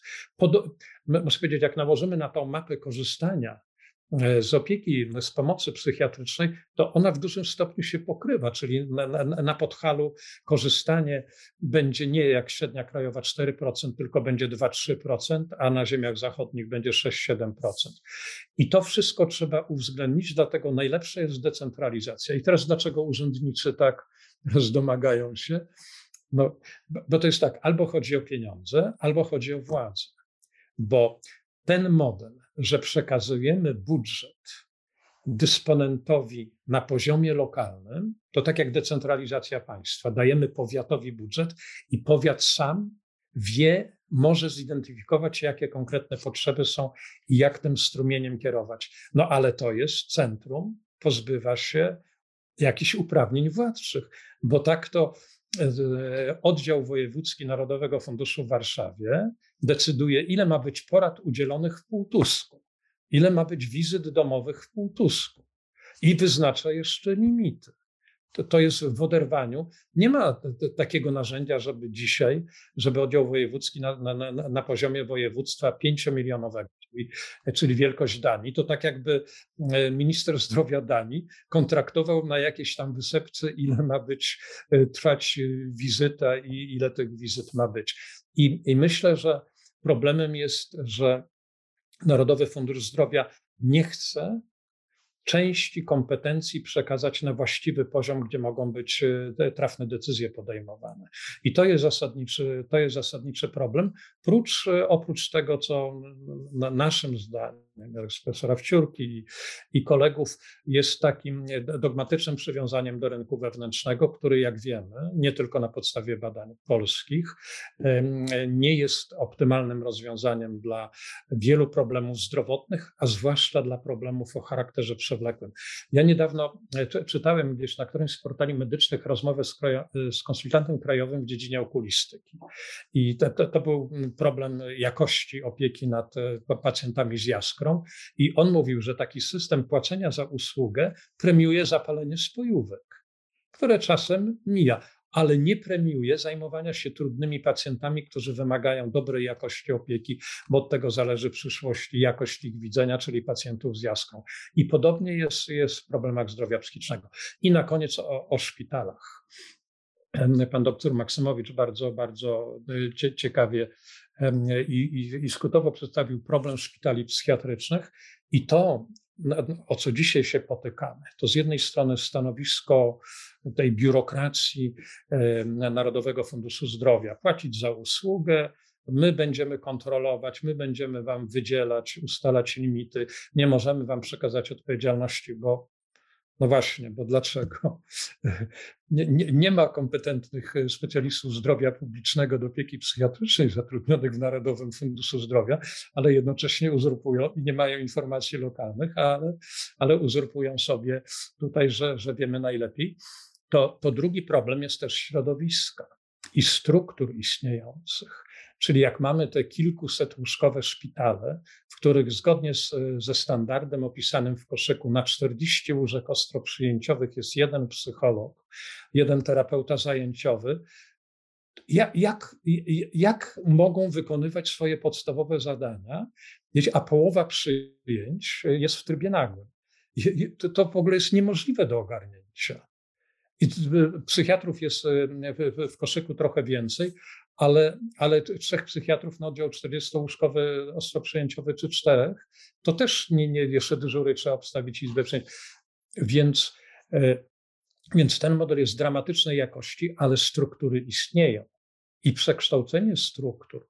W, w, naszej kulturze takiej menedżerskiej to menedżer odpowiada za mnożenie zasobów, jego instytucja ma rosnąć, rozwijać się, mają być przecinanie wstęgi, ale nie, nie ma takiego modelu jak Franco Basalia, jak był dyrektorem szpitala w Trieście, że powiedział, my zmienimy ten model na lepszy na bardziej dostosowane na potrzeb i te łóżka zamkniemy. Jest piękny szpital wybudowany jeszcze w czasie Austro-Węgier na, na wzgórzu nad Triestem i tam nie ma żadnego łóżka całodobowego. Są za to e, instytucje, no, takie fundacje, czy, czy też ekonomii społecznej, e, właśnie powrotu do aktywności zawodowej dla osób z ciężkimi e, zaburzeniami psychicznymi. No ale u nas mamy szpitale. I Narodowy Fundusz Zdrowia też mówi, no ale co zrobimy ze szpitalami? I mają niskie finansowanie, dramatyczny niski poziom, jeśli chodzi o normy dotyczące zatrudnienia, niska jakość. Pan doktor wspomniał o, o, o, tej ciekawej książce, która opisuje szereg konkretnych losów. I, I ten model widać, a obecne kierownictwo ministerstwa bardziej słucha starego modelu niż potrzeb i jak to może być zrobione lepiej. I ten model zaczyna, zaczyna się bronić. Już na ostatnim posiedzeniu podkomisji, jak mi relacjonowano, to była mowa o tym, no, że będziemy robić zmiany, ale tak, żeby zachować, zachować te zasoby, zasoby które, które mamy. Centrum Zdrowia Psychicznego to wszystkie formy są w lokalnej społeczności, w której to się dzieje oddział psychiatryczny bywa potrzebny, ale on musi być też blisko miejsca zamieszkania, tak żeby ten pobyt był jak najkrótszy i że można, żeby można było jak najszybciej przejść do hostelu kryzysowego. Jak ja e, e, e, wizytowałem Triest, bo tam jest oddział psychiatryczny, ma mniej niż, niż 10 łóżek na 200-tysięczną populację i tam pobyt trwa kilka dni i pacjent w ostrym kryzysie jest przenoszony do hostelu kryzysowego w jednym z czterech centrów zdrowia psychicznego, w którym są warunki zbliżone do domowych, a bywa tak, że na 2-3 tygodnie trzeba wyjść ze środowiska czasem w czasie kryzysu, żeby móc wrócić do, do, do, do jakiegoś akceptowalnego funkcjonowania. Więc my ten model musimy zmienić, bo inaczej oferujemy e, urągającej ludzkiej godności warunki pobytu, warunki leczenia, a jednocześnie efekty, efekty są wątpliwe. I ostatnie zdanie. Szpitale psychiatryczne nazywają się szpitale, ale nie, nie zapewniają na akceptowalnym poziomie dostępu do opieki somatycznej. Osoby z ciężkimi zaburzeniami psychicznymi, jak schizofrenia czy choroba afektywna dwubiegunowa, żyją o kilkanaście lat krócej niż, niż przeciętnie w populacji z powodu różnych problemów zdrowia somatycznego, które czy funkcjonalnie, czy, czy organicznie są związane z ich problemem zdrowia psychicznego, ale szpital psychiatryczny nie, nie daje żadnej oferty, dlatego te miejsca stacjonarnej opieki, jeśli ona musi być, a w pewnym zakresie musi być, powinny być zlokalizowane w szpitalach wielospecjalistycznych, żeby nie pozbawiać osoby no, ba, bardzo czasem obciążone tym ciężkim zaburzeniem psychicznym, nie, nie pozbawiać do dostępu do opieki lekarskiej, takiej, jakie, jaką ma każdy z nas. Szpitale psychiatryczne są dyskryminowane nie tylko z uwagi na poziom finansowania, ale też ograniczają rudymentarne prawa do opieki zdrowotnej osoby tam hospitalizowane. I na koniec ten oddział w Trieście nie zajmuje się hospitalizacjami związanymi z uzależnieniami, a to jest 40% hospitalizacji psychiatrycznych, ale rozumiem, że to na inne spotkanie dramatycznie narastający temat. Liczba zgonów w czasie ostatnich pięciu lat z powodu uzależnienia, z powodu problemów bezpośrednio związanych z alkoholem zwiększyła się prawie dwukrotnie. To jest w ogóle dramat, co się dzieje. E, panie ministrze, no, e, wspólnie z doktorem Maksymowiczem podjęli e, panowie bardzo ciekawy wątek tych różnic w korzystaniu z opieki zdrowotnej, które również oczywiście uwidaczniają się w tych różnicach w korzystaniu z systemu wsparcia psychiatrycznego i psychologicznego. Do tego, jeśli panowie pozwolą, chciałabym wrócić, ale najpierw Chciałabym zapytać o pewną e, już od dawna oczekiwaną regulację, bo panowie słusznie zauważyli, że INFZ i Ministerstwo Zdrowia no, zdradzają takie tendencje raczej do centralizacji tego systemu, ale nadal istnieją pewne ustawy i pewne, pewne regulacje, na które poszczególne środowiska czekają. I pani Sarnicka zapewne już domyśla się, że, że jest to pytanie kierowane do niej. Chciałabym oczywiście zapytać o, o długo oczekiwaną ustawę o zawodzie psychologa. Dlaczego jest tak ważna? Dlaczego jest tak ważna zarówno w tych kwestiach związanych z uregulowaniem dostępu do zawodu, ale dlaczego jest też ważna dla, dla ogółu społeczeństwa, dla pacjentów? Czy, czy zyskają na tym choćby lepszy nadzór mm, nad tymi, nad tymi świadczeniami z zakresu psychologii i, i takie mm, przeświadczenie i gwarancje, że będą te świadczenia na, realizowane na odpowiednio wysokim poziomie.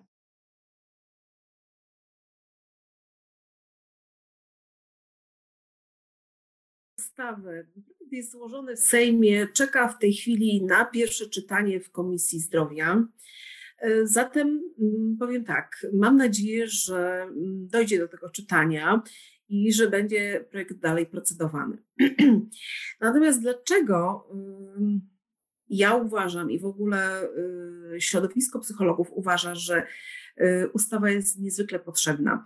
Y, myślę, że to się objawiło też między innymi ostatnio w petycji, którą do rządzących, do pana prezydenta, do pana premiera oraz do pani marszałek Witek y, złożyło w ogóle środowisko psychologów.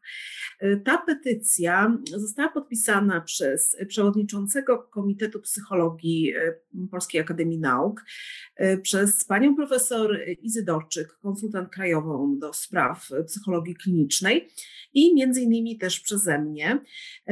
Petycja jest krótka, natomiast nawiązuje oczywiście do wątku pandemii i przede wszystkim do wątku y, obecnie wojny na Ukrai w Ukrainie, y, która y, po prostu spowodowała, że po jednym dosyć długim kryzysie, który, który jakby no, nie mieliśmy nawet chwili przerwy oddechu, jakby nastąpił kolejny kryzys i to wszystko Mm, sprawiło, że y, te regulacje dotyczące zawodu psychologa są niezwykle potrzebne, ponieważ jedna ustawa jest już w systemie prawnym, ale ta ustawa nie funkcjonuje. E, stąd pacjenci, również ci mali pacjenci, tak naprawdę oni nie wiedzą, czy oni idą faktycznie do psychologa, czy nie. Ponieważ dotychczasowa ustawa nie jest realizowana w taki sposób, jak powinna. Nie ma samorządu, żaden psycholog w Polsce nie ma prawa wykonywania zawodu, a to wszystko niestety y, jakby przekłada się na y, jakość świadczonej pomocy i jakość usług psychologicznych. E, my, jako organizacja, jako OZZP, mamy bardzo wiele zgłoszeń e, dotyczących różnego rodzaju, no niestety muszę to powiedzieć, nadużyć e, ze strony osób, które nie są psychologami, a które jakby przypisują sobie takie kompetencje. I wszystko to jakby związane z brakiem rejestru psychologów w Polsce, braku jakby prawa wykonywania zawodu, braku izb psychologicznych, braku samorządu i to wszystko sprawia, że Niestety, ale poszkodowany jest właśnie pacjent, e, poszkodowane są te osoby y, z zaburzeniami zdrowia psychicznego, osoby w kryzysie, które jeżeli trafią oczywiście do placówek publicznych, no mają większą szansę na to, że jakby, albo dużą szansę na to, że tam jest osoba sprawdzona. Natomiast mamy cały szereg y, placówek prywatnych i, i szeroki rynek usług y, psychologicznych, gdzie jakby sami Państwo wiecie, y, bardzo modne, popularne jest powoływanie się na takie słowo jak wsparcie psychologiczne, porady psychologiczne, terapia. Natomiast co się tak naprawdę za tym kryje? Czy to jest osoba, która ukończyła studia psychologiczne, która ma właściwe mm, kompetencje, ma odpowiedni dyplom.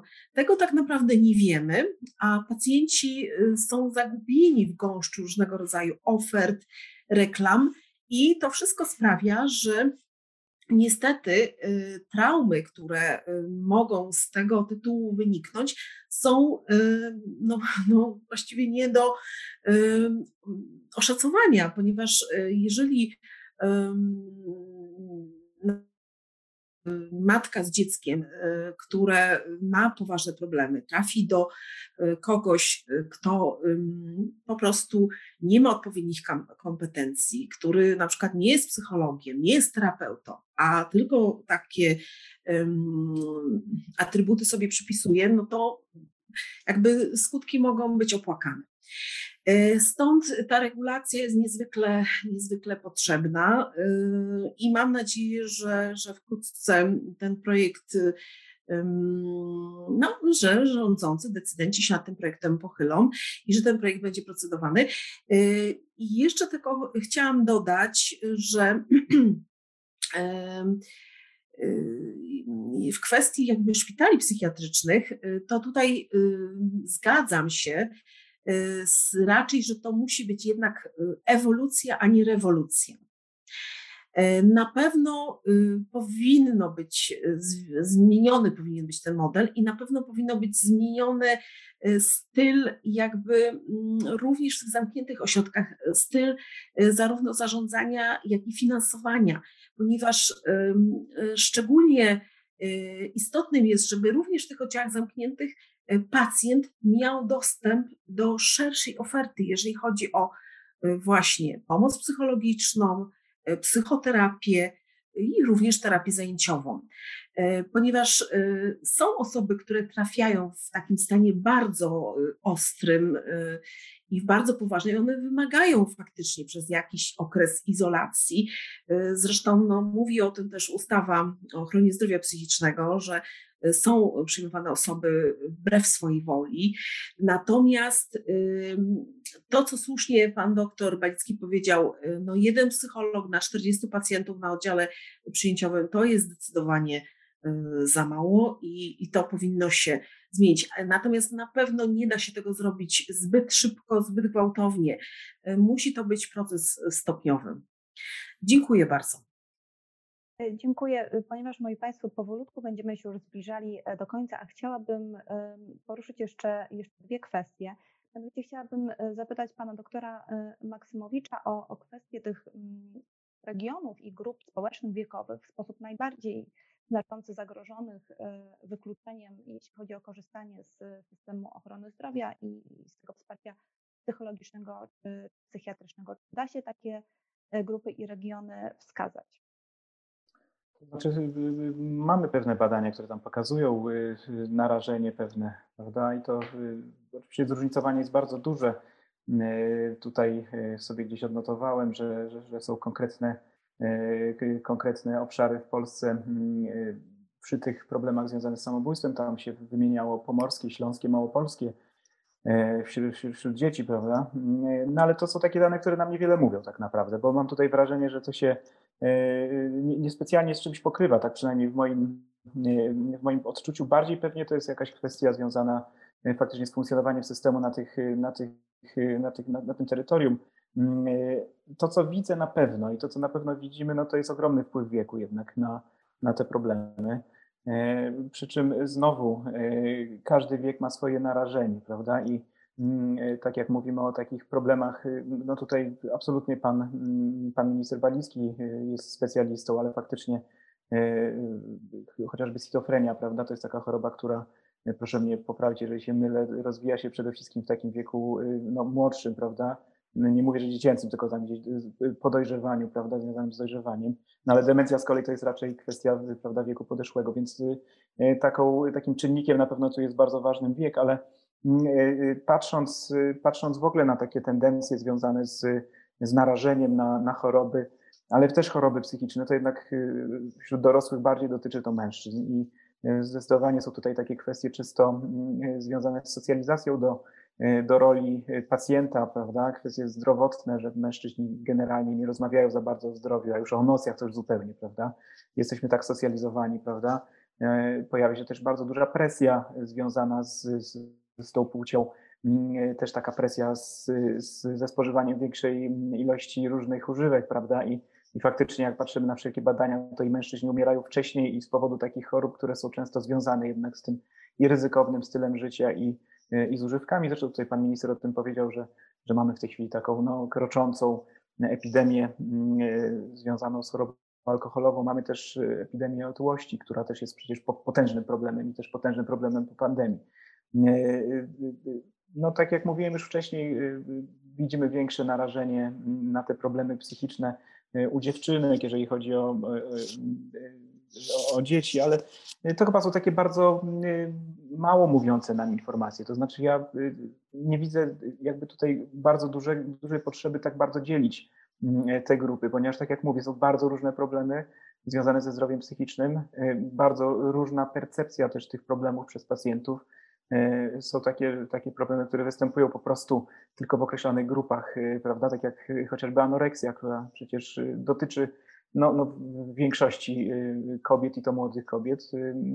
Zdarza się u mężczyzn, ale jest, jest raczej bardzo, bardzo rzadka, więc nie, chyba, chyba niekoniecznie musimy w tej chwili rysować jakieś takie grupy narażenia. No na pewno to są zwykle ludzie o niższym statusie społeczno-ekonomicznym, prawda? Przy czym też badania socjologiczne pokazują, że E, osoby o tym niskim statusie mają też niższą percepcję takich problemów psychicznych, więc one też w ogóle rzadziej się zgłaszają do lekarza z takimi problemami. Raczej to jest taka, e, zgłaszane są przez rodziny na przykład, prawda, albo przez jakieś służby społeczne, czy przywożone przez, e, po, po, po dokonaniu jakiegoś przestępstwa, więc jakby też ta profilaktyka w tych grupach o tym niższym statusie społecznym jest na znacznie niższym poziomie.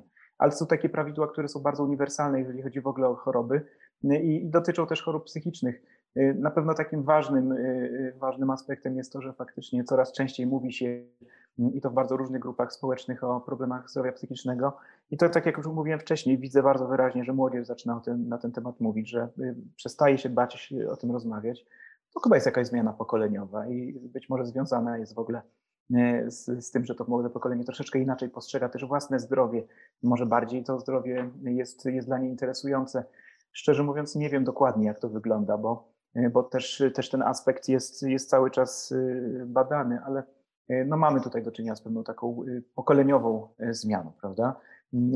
No ale powtórzę jeszcze raz, no każda grupa, czy to, czy to pod względem wieku, czy, czy płci, czy pod względem tym takim społeczno-ekonomicznym, ma po prostu swoje choroby psychiczne, ma swoje zapotrzebowania psychiczne i na pewno w zupełnie różny sposób musimy do tych osób dotrzeć i też będą zupełnie inaczej leczone, więc, więc to są to są, to są te wyzwania na pewno bardzo zróżnicowane. Drodzy Państwo, zbliżamy się powoli do, y, do końca dyskusji.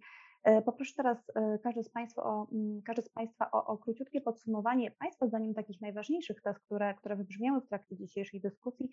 I jeśli mogę, chciałabym zacząć od Pana Ministra Balickiego i nie ukrywam, że tutaj chciałabym również przemycić to pytanie o to, jak się sprawdzili ci asystenci zdrowienia i bardzo już proszę tutaj o, o dochowanie też tej dyscypliny czasowej, jeśli mogę. Dwie wiem, że temat, wiem, że temat jest szeroki, nie jest to łatwe. Tak. Dwie minuty. E, ja powiem tak, to co najważniejsze jest, że w obecnej edycji Narodowego Programu Ochrony Zdrowia Psychicznego rozpoczęła się reforma psychiatrii dorosłych i reforma psychiatrii dzieci i młodzieży. I ten model, który jest e, zarysowany, jeśli chodzi o dzieci i młodzież i, i Centra Zdrowia Psychicznego dla dorosłych, to jest ten kierunek, e, który był oczekiwany i, i, i, i został on właściwie określony. Natomiast dzisiaj, po kilku latach, mamy wątpliwości, czy ten kierunek będzie dalej utrzymany czy nie wchodzimy w kryzys e, reformy. No i zasady i sposób i wielkość finansowania są jednym z czynników decydujących. Ale jak e, mówimy o problemach wdrażania zmiany, e, oporu, przeciwko zmianie. Tu jednym z kluczowych elementów jest to, że ten, który prowadzi proces zmiany, dokładnie wskazuje kierunek, model, do którego mamy dążyć, jest przekonany do tego. Dzisiaj mm, y, y, wydaje się, że mamy uzasadnione wątpliwości co do tego, czy zarówno minister zdrowia, jak i Narodowy Fundusz Zdrowia chce pójść w tym kierunku, który kilka lat temu został zapoczątkowany. A jednym z jego elementów byli czy są asystenci zdrowienia. To jest y, w naszym systemie opieki zdrowotnej, jeśli chodzi o psychiatrię, to jest pierwszy raz, to jest coś nowego, chociaż w niektórych innych obszarach były wcześniej zatrudniane osoby, które miały doświadczenie w przypadku e, opieki psychiatrycznej problemu zdrowia psychicznego albo doświadczenie innego chorowania po odpowiednim przeszkoleniu, mogą udzielać wsparcia, pomocy tym osobom, które obecnie znajdują się w sytuacji kryzysowej czy, czy w potrzebie. Ja pamiętam w Centrum Onkologii taką ważną rolę pełniły e, Amazonki, które wcześniej na, na oddziałach, e, gdzie przebywały kobiety z rakiem sutka, które miały wcześniej swoje własne doświadczenie i doskonale rozumieją, jak, jaka to jest trauma, jak, jak trudno przez ten cały proces przejść i udzielały wsparcia, więc to nie jest coś zupełnie nowego. Asystenci zdrowienia w centrach zdrowia psychicznego, no ale dla psychiatrii nowe.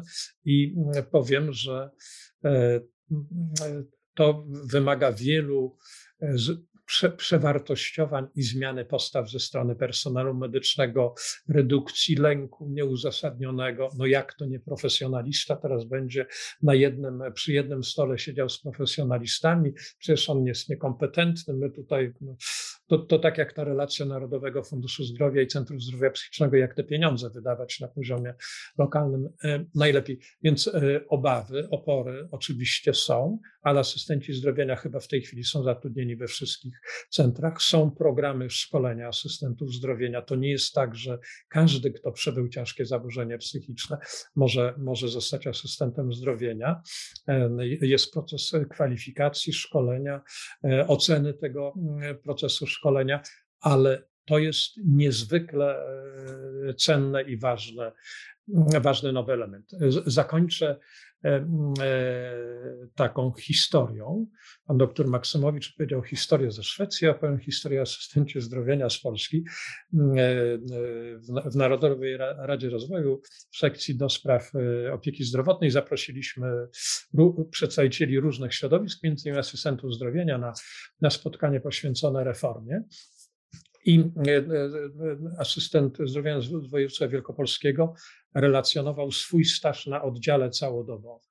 I był pacjent, personel medyczny mówił, nie idź do niego, bo on z nikim nie rozmawia.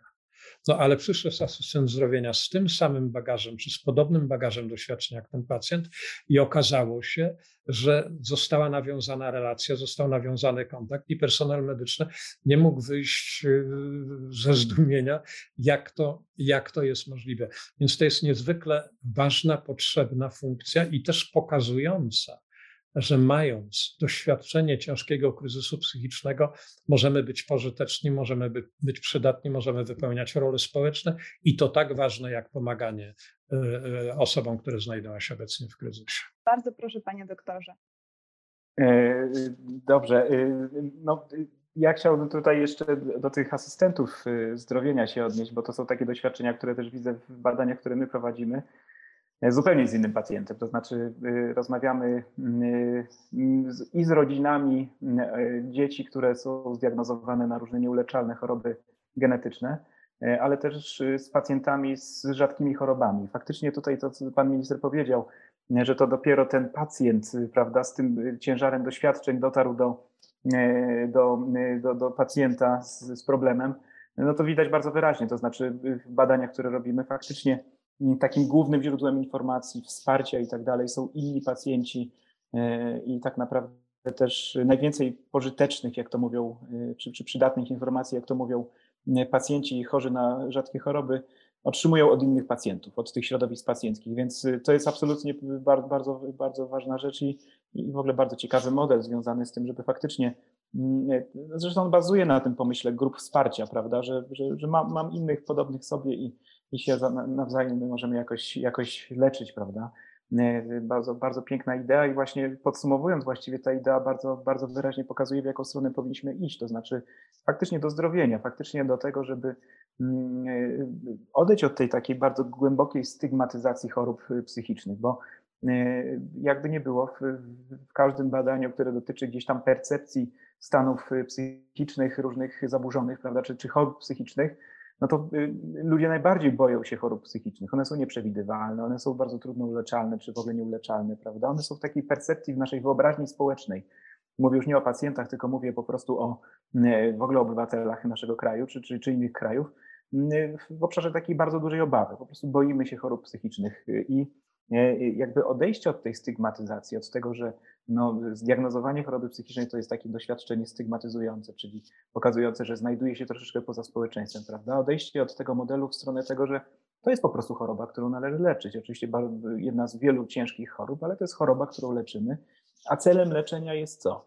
Nie jest wyleczenie choroby, żeby ona zniknęła, tylko przywrócenie człowieka do, do środowiska, w którym funkcjonuje. Dlatego też to leczenie powinno być przeprowadzane w tym środowisku. I e, absolutnie taki, taki kierunek, e, nie, nie musimy absolutnie powtarzać, że jest, jest konieczny, ale to, co widzę, jaki problem widzę podstawowy, no to, że ta reforma, to i tutaj powiedział y, i pan minister, i pani, pani przewodnicząca, no to musi, mówiąc już zupełnie kolokwialnie, mieć ręce i nogi, to znaczy i serce przede wszystkim. To znaczy ten pomysł musi gdzieś tam być, to jest proces, dosyć długi proces przeprowadzania reform. To nigdy nie są rewolucyjne rzeczy, wymaga wielu lat ale to musi się zacząć, musi być kontynuowane mimo wielu różnych niepowodzeń na pewno po drodze, ale gdzieś tam na samym końcu musi też być jakiś urzędnik, musi być jakiś lekarz, musi być jakiś psycholog, czy, czy ktokolwiek, który będzie miał takie serce do tych pacjentów, żeby faktycznie, no nawet przełamując tę władzę, prawda, i tą potrzebę trwania przy, przy swoich takich, no, utartych schematach, wprowadzać to, y, te, te reformy. Po co? No nie po co, tylko dla kogo, to znaczy dla pacjenta. I to jest absolutnie coś, do czego zawsze powinniśmy podążać. I, i ta medycyna, medycyna humanistyczna, myślę, że psychiatrii jest rzeczą, która absolutnie y, powinna dominować. Dziękuję bardzo. Bardzo dziękuję panie doktorze i o podobne podsumowanie poproszę panią Katarzynę Sarnicką. Niewątpliwie polska psychiatria, polska opieka psychologiczna i psychiatryczna wymaga z jednej strony uregulowania, to mówię z mojego punktu widzenia, e, kwestii, kto jest psychologiem, a kto nie. To jest pierwsza rzecz. Następnie e, wymaga ewidentnie zwiększenia opieki psychologicznej, jak również terapeutycznej, zarówno jeżeli chodzi o oddziały zamknięte, które póki co istnieją i pewnie jakiś czas będą istnieć, jak również e, zwiększenia i wykorzystania zasobów, e, które są. E, mówię o zasobach dotyczących kadr i psychologicznych, i terapeutycznych, właśnie w tym nacisku na leczenie środowiskowe, na ten nowy model związany z, z centrami zdrowia psychicznego, na nowy model związany z psychiatrią dzieci i młodzieży. Niewątpliwie tutaj nadal jest bardzo wiele rzeczy do zrobienia i wydaje mi się, że warto słuchać ekspertów, warto słuchać i lekarzy, psychiatrów y, i psychologów, i terapeutów y, odnośnie tego, jak nam się pracuje, jak nam się pracuje w, po prostu y, obecnie i co należy zmienić i w jakim kierunku zmierzać, tak aby to było jak najbardziej korzystne, jeżeli chodzi o zdrowienie. E, zdrowienie, wychodzenie z tych najcięższych kryzysów i oczywiście adaptację do społeczeństwa. E, dotyczy to również e, osób, które mając doświadczenie mm, kryzysu psychicznego, zdecydowały się podjąć na przykład nowej roli asystenta zdrowienia i jakby dzięki temu móc swoim przykładem pomagać innym osobom, które mają doświadczenie choroby psychicznej. Myślę, że, że te y, rozmowy, debaty też jakby będą też przyczynkiem do tego, y, że być może decydenci i właśnie osoby, które decydują o podziale tych środków, przemyślą te kwestie i jakby no, pochylą się bardziej nad psychiatrią polską, bo ja mam wrażenie, że faktycznie ta działka medycyny jest cały czas niedofinansowana i, cały czas gdzieś tam zaniedbywana. Dziękuję bardzo. E, za te krótkie podsumowania i oczywiście za, za całość dyskusji. Mam nadzieję, że chociaż w jakimś stopniu udało nam się odpowiedzieć na, na pytanie, jakich zmian podążających w jakim kierunku potrzebuje polska psychiatria i polscy e, pacjenci. Dziś gośćmi Nowej Konfederacji była pani Katarzyna Sarnicka, pan Marek Balicki i oczywiście pan Stanisław Maksymowicz. Jeszcze raz bardzo Państwu dziękuję.